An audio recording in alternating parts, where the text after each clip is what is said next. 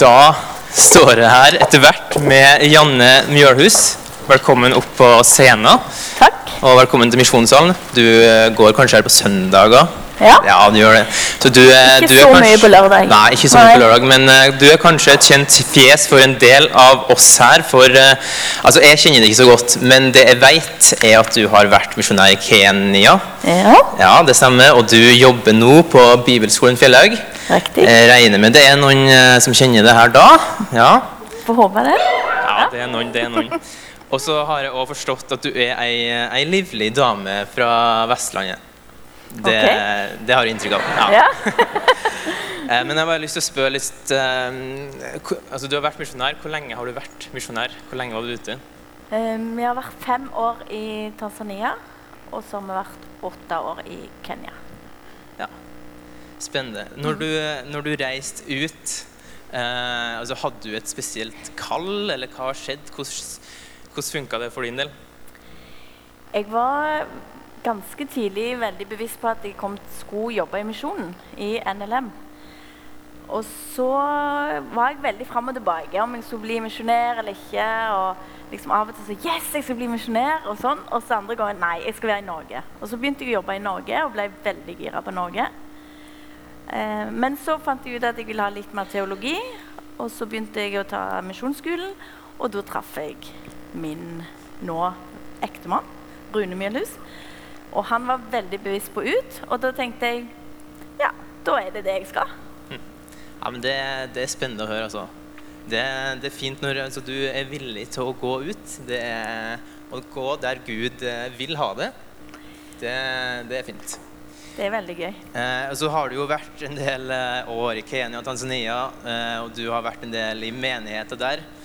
Kan du bare peke på noen liksom, forskjeller på si, misjonssalen her på lørdager da, og en eh, vanlig menighet i Kenya eller Tanzania? Ja, eh, det som Altså, her i Norge så har vi jo veldig sånn eh, barnemøter fredags på fred, med de små yngre på fredag. MUF, da lørdag da er det ungdommer.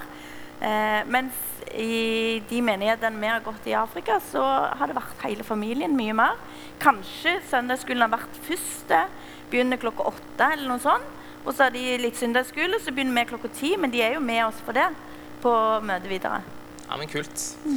Vi gleder oss til å høre det. Jeg skal bare be for det, så skal du få lov til å slippe til. Kjære Jesus, jeg takker deg for Janne. Takk for at hun har sagt seg villig til å komme hit og tale til oss. Eh, Jeg legger henne i dine allmektige hender og ber om at du gir henne det hun trenger nå.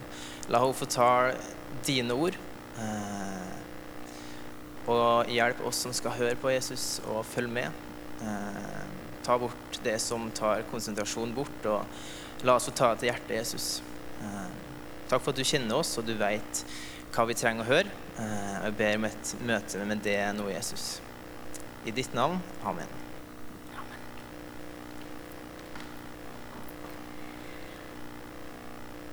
Erika spurte om et tema, og da ble det 'når vi opplever det vonde'. Men det, det kunne vært veldig mange forskjellige ting. For det som vi nå skal snakke om, det er om videre i historien som eh, Åsmund for 14 dager siden snakket om med Josef. Eh, og da slutta han av med at Josef var i fengsel. Eh, og det var jo kanskje ikke så veldig gøy. Eh, han var uskyldig, ble kasta i fengsel. Og han var faktisk veldig imponerende eh, gudfryktig i det som skjedde før han ble kasta i fengsel. Og likevel så kom han i fengsel. Josef han var en yngling sønn av sin far. Og det ble selvfølgelig ikke så veldig populært blant de andre brødrene. Det kan vi vel alle forstå, at det ikke er så veldig stas. Men at det skulle gå så ille at de både ønsket at han skulle dø, og de til og med var villige til å drepe ham, det er ganske vilt. For dette er egentlig helt vanlige menn. Dette er ikke mordere. Liksom, og sånn bilde av hvordan folk er som myrder. Dette er vanlige menn som har begynt å hate sin bror så mye at de er til og med Ikke bare de ønsker han skal dø, men de er villige til å drepe ham. Det er vanvittig.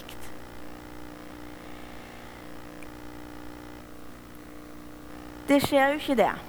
Det skjer mange ting, og det blir jo at de heller selger han da til en karavane, og han blir sendt til Egypt, og så eh, skjer det masse ting. Eh, han er i fengsel. Og så skal vi nå se på en tekst, noen få vers. I, for nå skal vi egentlig gå gjennom Jeg har fått liksom en tekst fra nå og helt til slutten av første Mosebok, og det er ganske mange kapittel eh, på en halvtime. Eh, så jeg, Vi kan ikke lese så veldig mye, men jeg skal prøve å få til at dere får med trådene. Og så må vi stoppe med noen ting som jeg, synes, eh, som jeg har stoppet for, som jeg syns er viktige. Den første teksten her er jo fra 1. Samuel Oi, unnskyld. 1. Samuel 39, 20. Altså Potifar tok Josef og satte han i fengsel. Og der, eh, der kongens fanger satt lenka. Altså Det var ikke bare de var der, men de satt til og med lenka. Det var ikke en hyggelig plass. Og en annen plass så står det at det er det innerste fangehullet. Og det var ingen gode plasser å være. Det var rått, og det var eh, rotter, det var mørkt. Det, det var ingen fin plass å være dette her. Han ble sittende der i fengselet. Men Herren var med Josef og viste ham godhet. Han lot ham finne godvilje hos fengselsbestyreren. Han lot Josef ta hånd om alle fangene i fengselet og alt som skulle gjøres der. Bestyreren selv hadde ikke tilsyn med noe av det Josef hadde fått hånd om. For Herren var med Josef. For Herren lot alt han gjorde, lykkes for ham. Dette har jeg hørt flere ganger i barnehistorier. Og jeg har tenkt ja, det var fint at Gud var med han. Og så gjerne litt sånn fine bilder av hvordan fengselet var. Og han gikk rundt der og hadde det egentlig ganske greit og serverte de andre fangene. Eh, men det, det, Altså, det er imponerende at Josef eh, kan beskrive dette som at Gud viser en godhet det er et valg som Josef gjør. Josef kunne satt seg ned og sutre. Han kunne klage til Gud og skreke. Hvorfor i all verden skal jeg sitte her? Jeg er ikke bare en av de fangene som sier jeg er uskyldig. For det sier jo nesten alle som er i fengsel. Men jeg er uskyldig. Han finner sin plass, og han opplever, han opplever at Gud viser en godhet. Det er et valg han tar. Og da åpner det opp, så han kan se at midt i dette vonde så er Gud her. Og jeg kan oppleve noe godt òg inni her. Midt i alt dette vonde. Han er i et fremmed land. Han har blitt svikta av hele familien sin. Han klarte å bygge opp litt tillit hos Potifar, og så er alt det revet vekk. Han er bare helt aleine. Han har opplevd så mye vondt. Så mange brutte relasjoner. Og så opplever han allikevel og kan si at det er noe godhet.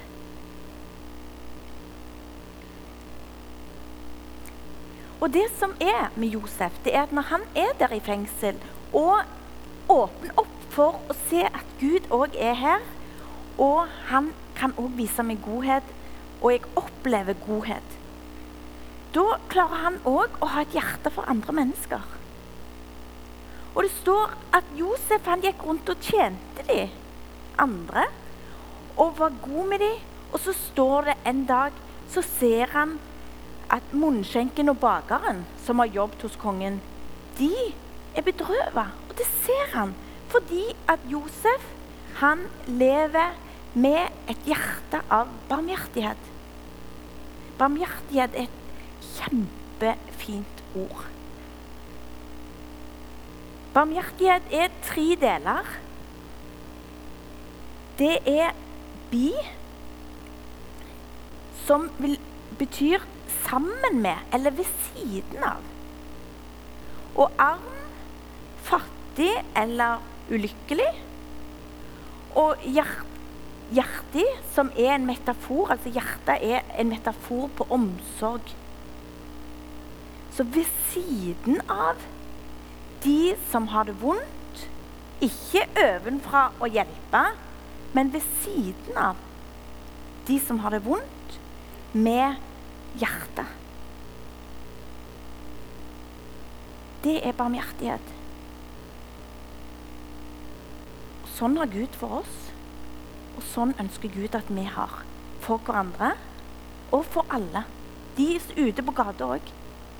De som er i ditt eh, de blokk. De som du møter på butikken. Vi er kalt til å vise barmhjertighet til alle. Være ved siden av og med hjertet. Lide sammen med dem, glede oss sammen med dem. Ved siden av. Og det er det Josef gjør. Han har barmhjertighet, og han har barmhjertighet for munnskjenken og bakeren fordi de, han ser at de er lei seg. Og så spør han hvorfor, og så har de hatt en drøm, og så får de ikke tydning på dette. Og de må vite hva dette her betyr. Og så hjelper Josef de. Og så Dere bør jo lese det, for det er jo masse spennende som skjer her. Eh, men i alle fall så sier eh, Josef at munnskjenken om tre dager skal få komme og bli satt inn i tjeneste igjen.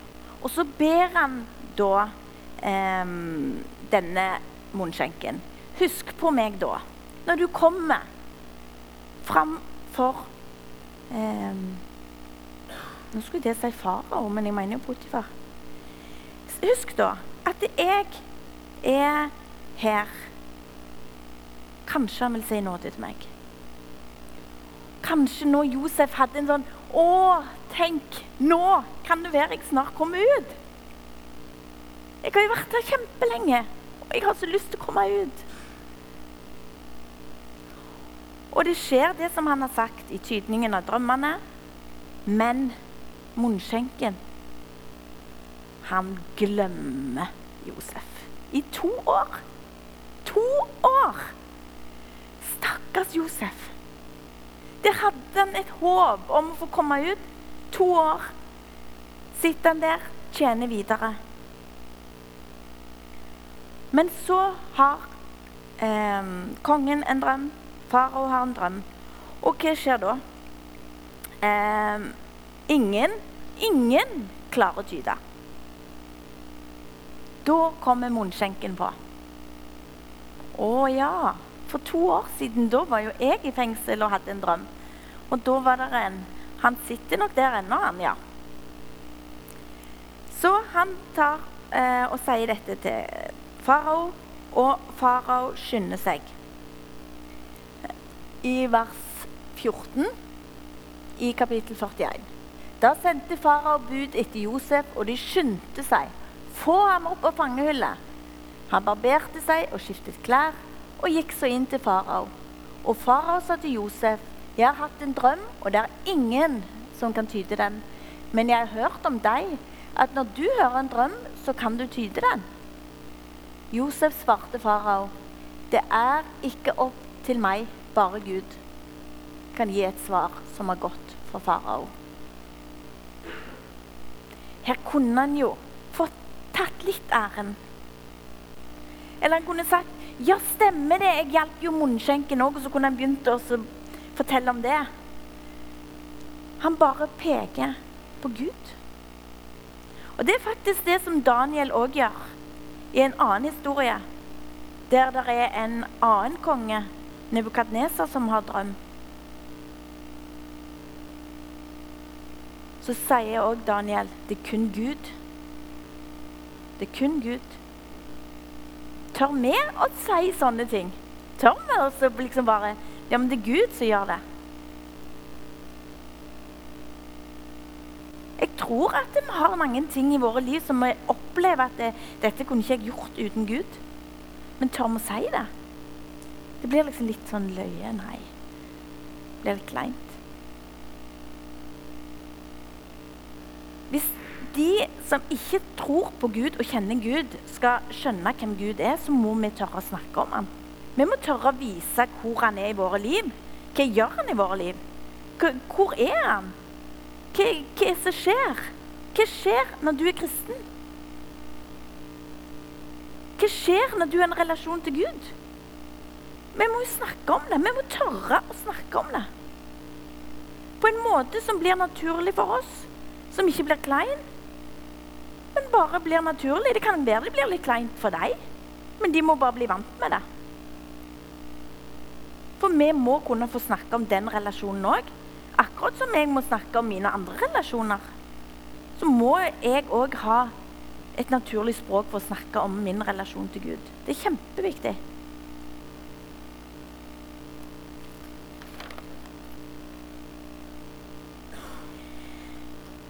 Så skjer det jo masse ting her. Eh, nå får eh, selvfølgelig Josef blir ikke sendt tilbake til fengselet.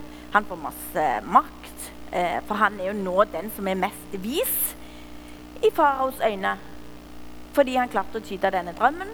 Eh, og han eh, får begynne å regjere sammen med farao. Og så har vi første, Denne drømmen går jo på hva som skal skje i framtida. Og det er sju gode år, og så skal det bli sju vonde år. Og så er det mange planlegging og mange ting som må gjøres. Og Josef er med å organisere. Disse sju gode åra går. Josef er i jobb, og så begynner disse vonde åra. Og hungersnøden begynner å melde seg ganske fort. Ikke bare i Egypt, men i stort område. En stor, stor hungersnød. Og nå er det disse brødrene kommer tilbake. For de hører at det er mat i Egypt, og de drar til Egypt. Far sender de til Egypt. Og Josef kjenner det igjen. Det har gått mange, mange år. Nå, når han kom ut av fengselet, var han 30 år, så nå er han jo iallfall 37-38. Det har gått mange, mange år, men han kjenner det igjen med en gang. Men de kjenner ikke igjen Josef. Josef anklager de for å være spioner, kaster de i fengsel. De er der i tre dager. Og så sier han at de andre kan få dra hjem. Og spør de mye om familien, vil høre mye om faren og om Benjamin. Den som er hans heil, heilebror. De andre er jo halvbrødre. Um, og får høre masse. Uh, og så sier han en, Simon blir igjen. En av dere skal være igjen, og han tar Simon. Og så får de andre dra hjem. Og så drar de hjem. Um, men så er avtalen at når dere kommer tilbake igjen, så skal dere ha med den minste broren deres. For jeg skal se at det er sant, det som dere har sagt. Og vi kan jo undre på hvorfor lager Josef disse greiene her? Og det blir faktisk mye verre òg. Han lager det enda mer.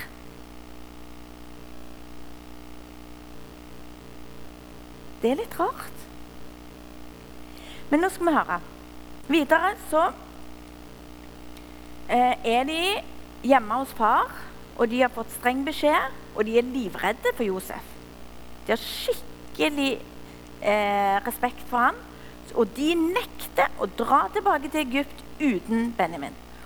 Mens far Jakob, han nekter å sende Benjamin.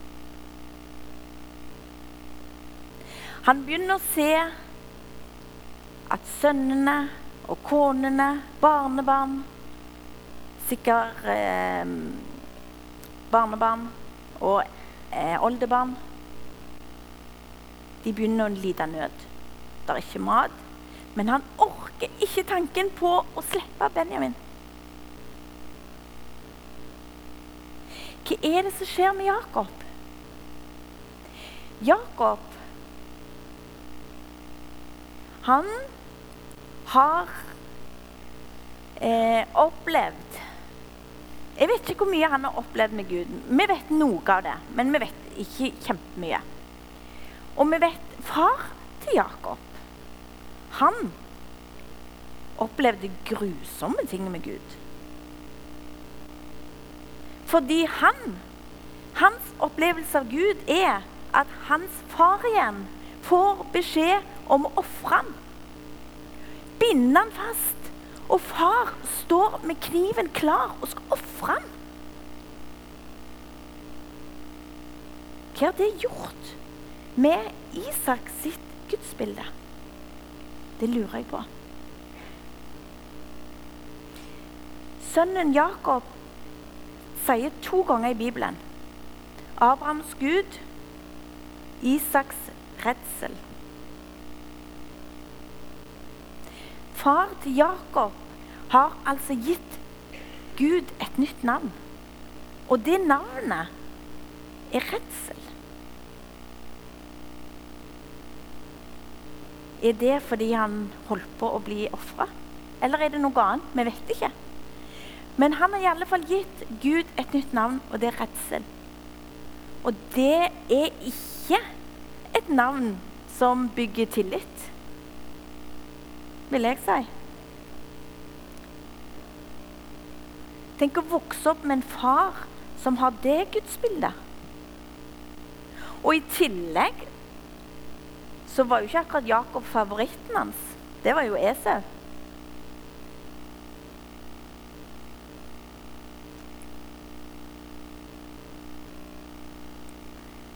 Det er nok mange ting her. Mange vanskelige ting. Og Jakob sjøl har ikke alltid vært grei. Han har ikke alltid oppført seg bra. Men Gud har vært veldig nådig mot Abraham og Isak og Jakob. Men Jakob, han gjør det samme som faren gjorde. Han velger ut yndlingssønn. Han burde visst bedre, tenker jeg. Han som opplevde sjøl ikke få være ynglingen. Han burde vite hvor mye det ødelegger, hvor vondt det er. Så gjør han det sjøl. Vi er sånn av og til. Vi vet at det er kjempedumt og vondt, skadelig, og så gjør vi det for det. så kan det av og til være så vanskelig å tilgi når andre gjør det. De burde jo visst det. De visste det.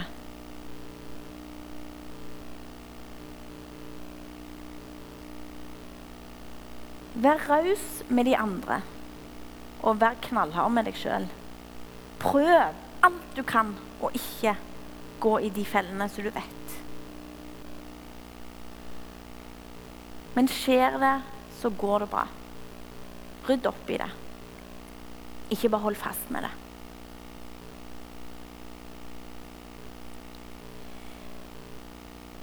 Det som skjer videre, det er at eh, jo, eh, Jakob etter hvert ser jeg må, jeg må gjøre noe her. Vi har hungersnød. Og alle sønnene mine nekter å dra og få mer mat, selv om de vet det er masse mat, før jeg aksepterer at Benjamin er med. Og jeg tenker at Her har det skjedd en bønnekamp i Jakob. Det har skjedd noe her med Jakob. Han har pinnholdt på noe. Han har vært livredd for å gi det til Gud. Kanskje fordi faren ga Gud navnet redsel. Han er ikke til å stole på. Han er noe du må være redd for. Eller kanskje det var noe han sjøl hadde opplevd fordi han mista Josef. vi òg har så vanskelig for å gi alt til Gud. Men snu på det og si er det bedre å ikke gjøre det. Er det bedre? Tror vi virkelig det er bedre å ikke gi det til Gud? Er det bedre, egentlig? Bare gi det til Gud. Gi alt til Gud. Det som du er redd for òg. Det kan faktisk gå bra for det, men Gud ønsker at vi gir alt til ham i hans hender. Og det er det Jakob til slutt gjør? I ehm, Skal vi se i neste bibelvers nå Da er vi i kapittel 43. Da sa deres far Israel til dem, altså til sønnene Er det ingen annen råd, så gjør slik. Ta med i sekkene deres en gave til mannen noe av det beste som finnes i landet. Litt balsam og litt honning og gummi, harpiks, pistasjenøtter og mandler. Og ta dobbelt så mange penger med dere, så dere kan levere tilbake de pengene dere fikk igjen. De som lå øverst i sekkene. Kanskje det var en feiltagelse. Ta så broren deres, bryt opp, vend tilbake til mannen. Måtte Gud, den veldige, la dere finne barmhjertighet hos denne mannen så han sender med dere den andre broren deres, altså Simon, som nå er i fengsel, og Benjamin. Og så sier Jakob Da har han overgitt alt til Gud. Skal jeg bli barnløs, så blir jeg barnløs. Da har han gitt alt. Da har han ingenting igjen. Han har pinnholdt på Benjamin. Men nå er bønnekampen ferdig. Han har overgitt alt.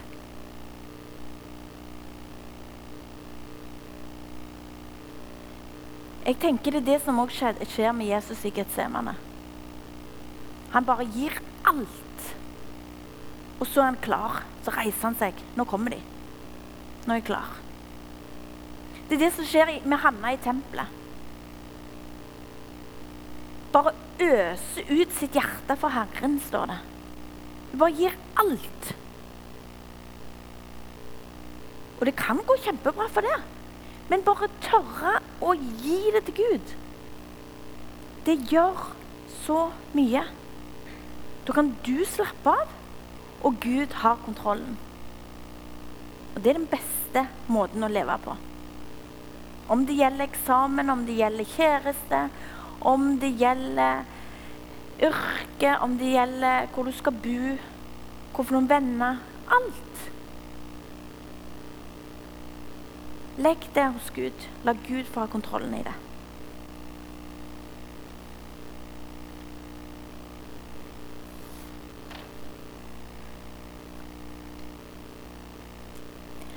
Og det kan føles som å kaste seg ut. Det kan føles det kan føles som galskap.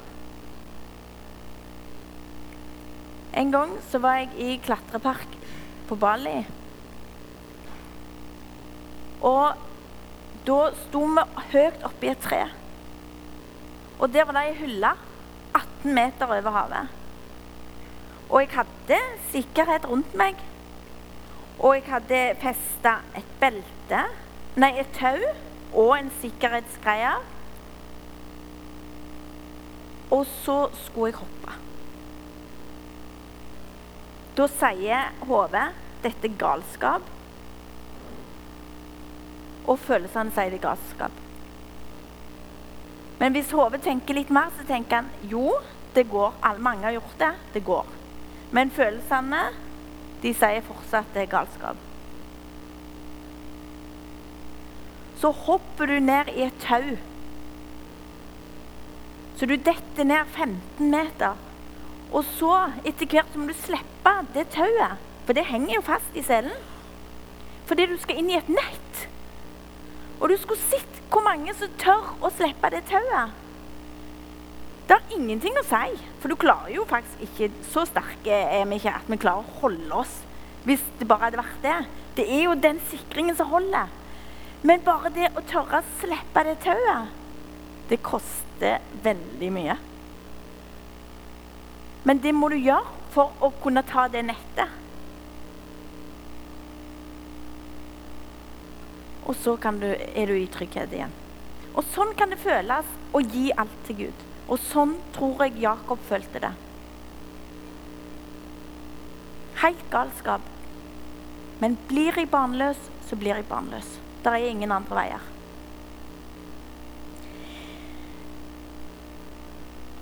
Nå drar de ned. Det må, være, det må ha vært veldig spennende, dette her. å dra ned. Forlate konene og barn og barnebarn og alle disse her og dra ned igjen. Gleder seg sikkert til å treffe Simon igjen. Håper han har det bra. Og så skal de hente mer mat. Og så kommer de ned til Egypt. Og de får en litt sånn rar eh, mottagelse. For denne her lederen, som da er Josef, da, han inviterer de inn på fest. Og de har et kjempemåltid. Og han setter de etter alderen. Noe rart.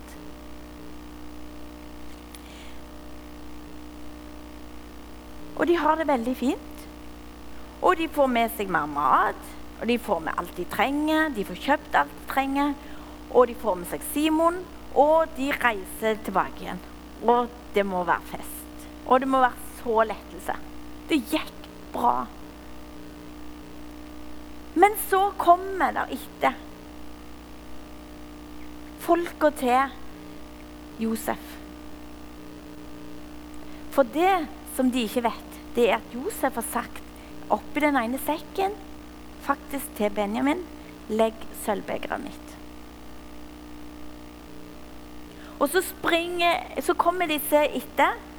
Og brødrene vet ingenting, skjønner ingenting. Og nei, nei, nei, vi har ikke stjålet et sølvbeger, vi har ikke gjort noen ting galt. Og de begynner først de bare diskuterer de, og hvis dere finner noe, så kan dere bare ta den og drepe den, for vi har ingen. Nei, nei, nei. Og så begynner de å lete, og så finner de hos Benjamin. For slag for. Hæ?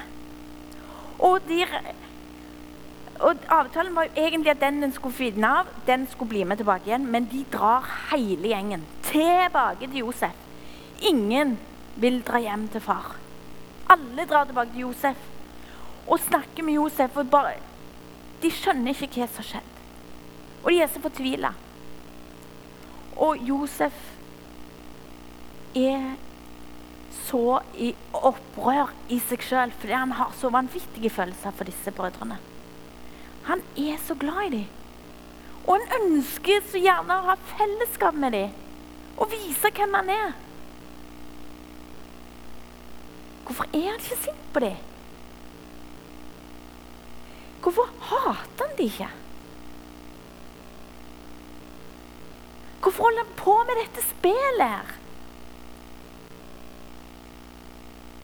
Fordi Gud Han har latt Gud få jobbe med ham i de, alle disse åra. Han har latt Gud få jobbe med ham. Det er ofte ikke bare en sånn en fiks med livene våre. Det er prosesser. Jeg er sikker på at Josef hadde en lang prosess med å kunne tilgi brødrene. Tenk, det vanvittige sviket. De prøvde først å drepe ham, og så selger de ham. Og de har aldri prøvd å ta kontakt igjen. Han har ikke visst noen ting om dem, han har ikke visst om de var døde, han har ikke visst noe om faren og mora lever. Ingenting. Ingenting han visste. Og før dette her begynte nå.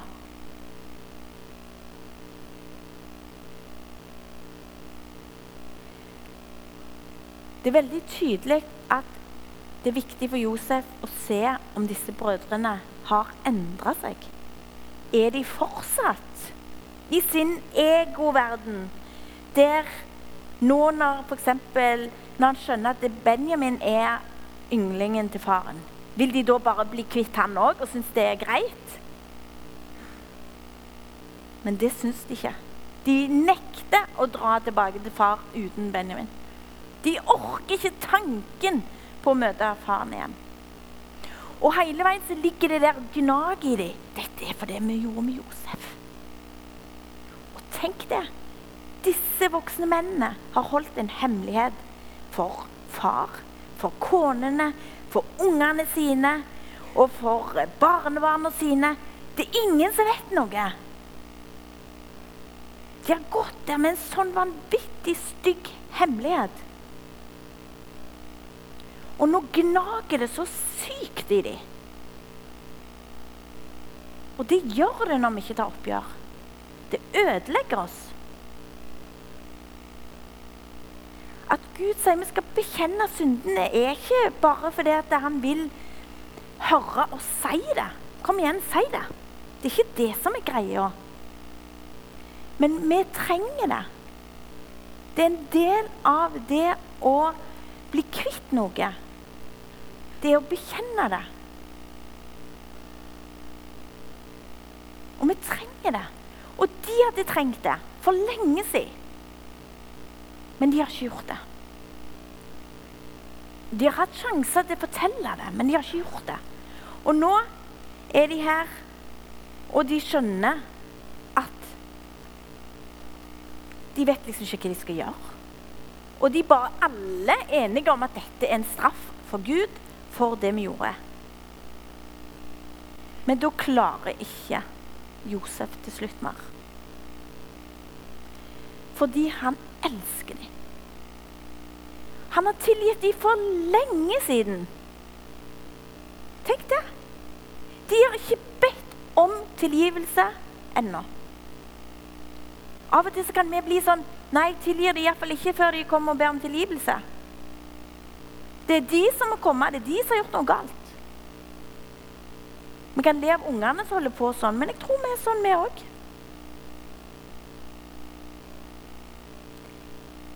Josef hadde tilgitt for lenge siden.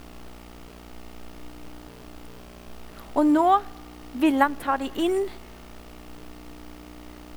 i varmen. Inn i fellesskapet.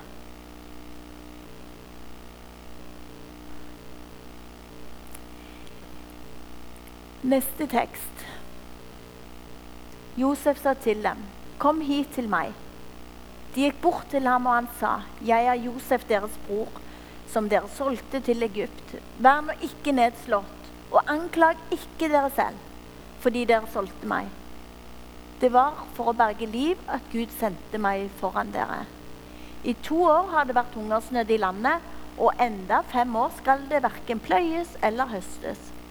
Men Gud sendte meg i forveien for å la dere bli en rest på jorden, slik at dere skal leve og mange bli berget.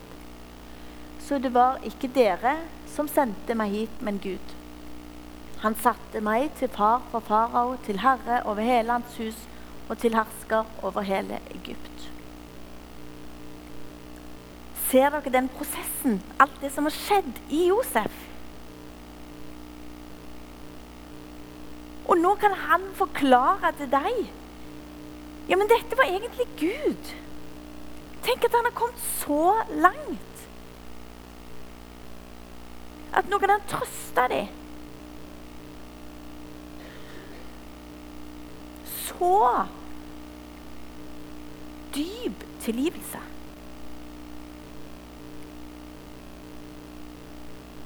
Og anklag ikke dere sjøl engang. Ikke anklag hverandre. Og han sendte de av gårde etterpå så sa han, ikke krangle på veien nå.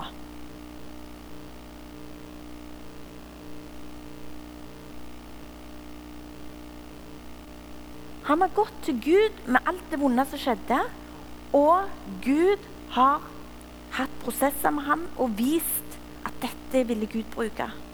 Og så har Josef godtatt det og sett at dette er noe godt. Og helt til slutt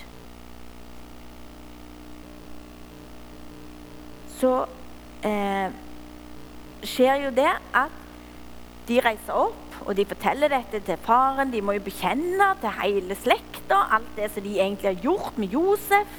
Og jeg bare ser for meg for et kaos og alt det der. med Tenk så flaut, og tenk så nedverdigende. Liksom glede og vondt og svik. Alt på en gang. Og så drar de ned igjen eh, og får bo i Gosen.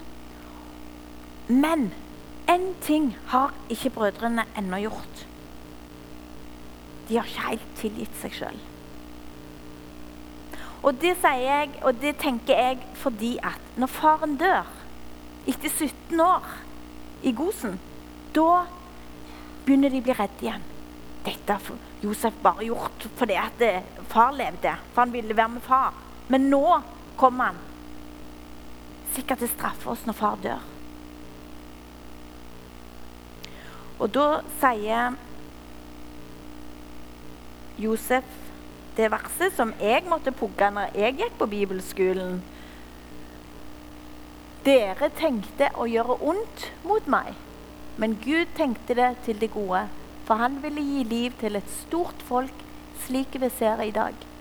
Så vær ikke redde, jeg skal sørge for at dere og barna deres Slik trøstet han dem og talte til hjertene deres. Hvis vi klarer å leve der, så får vi et godt liv. Og Gud velsigne dere.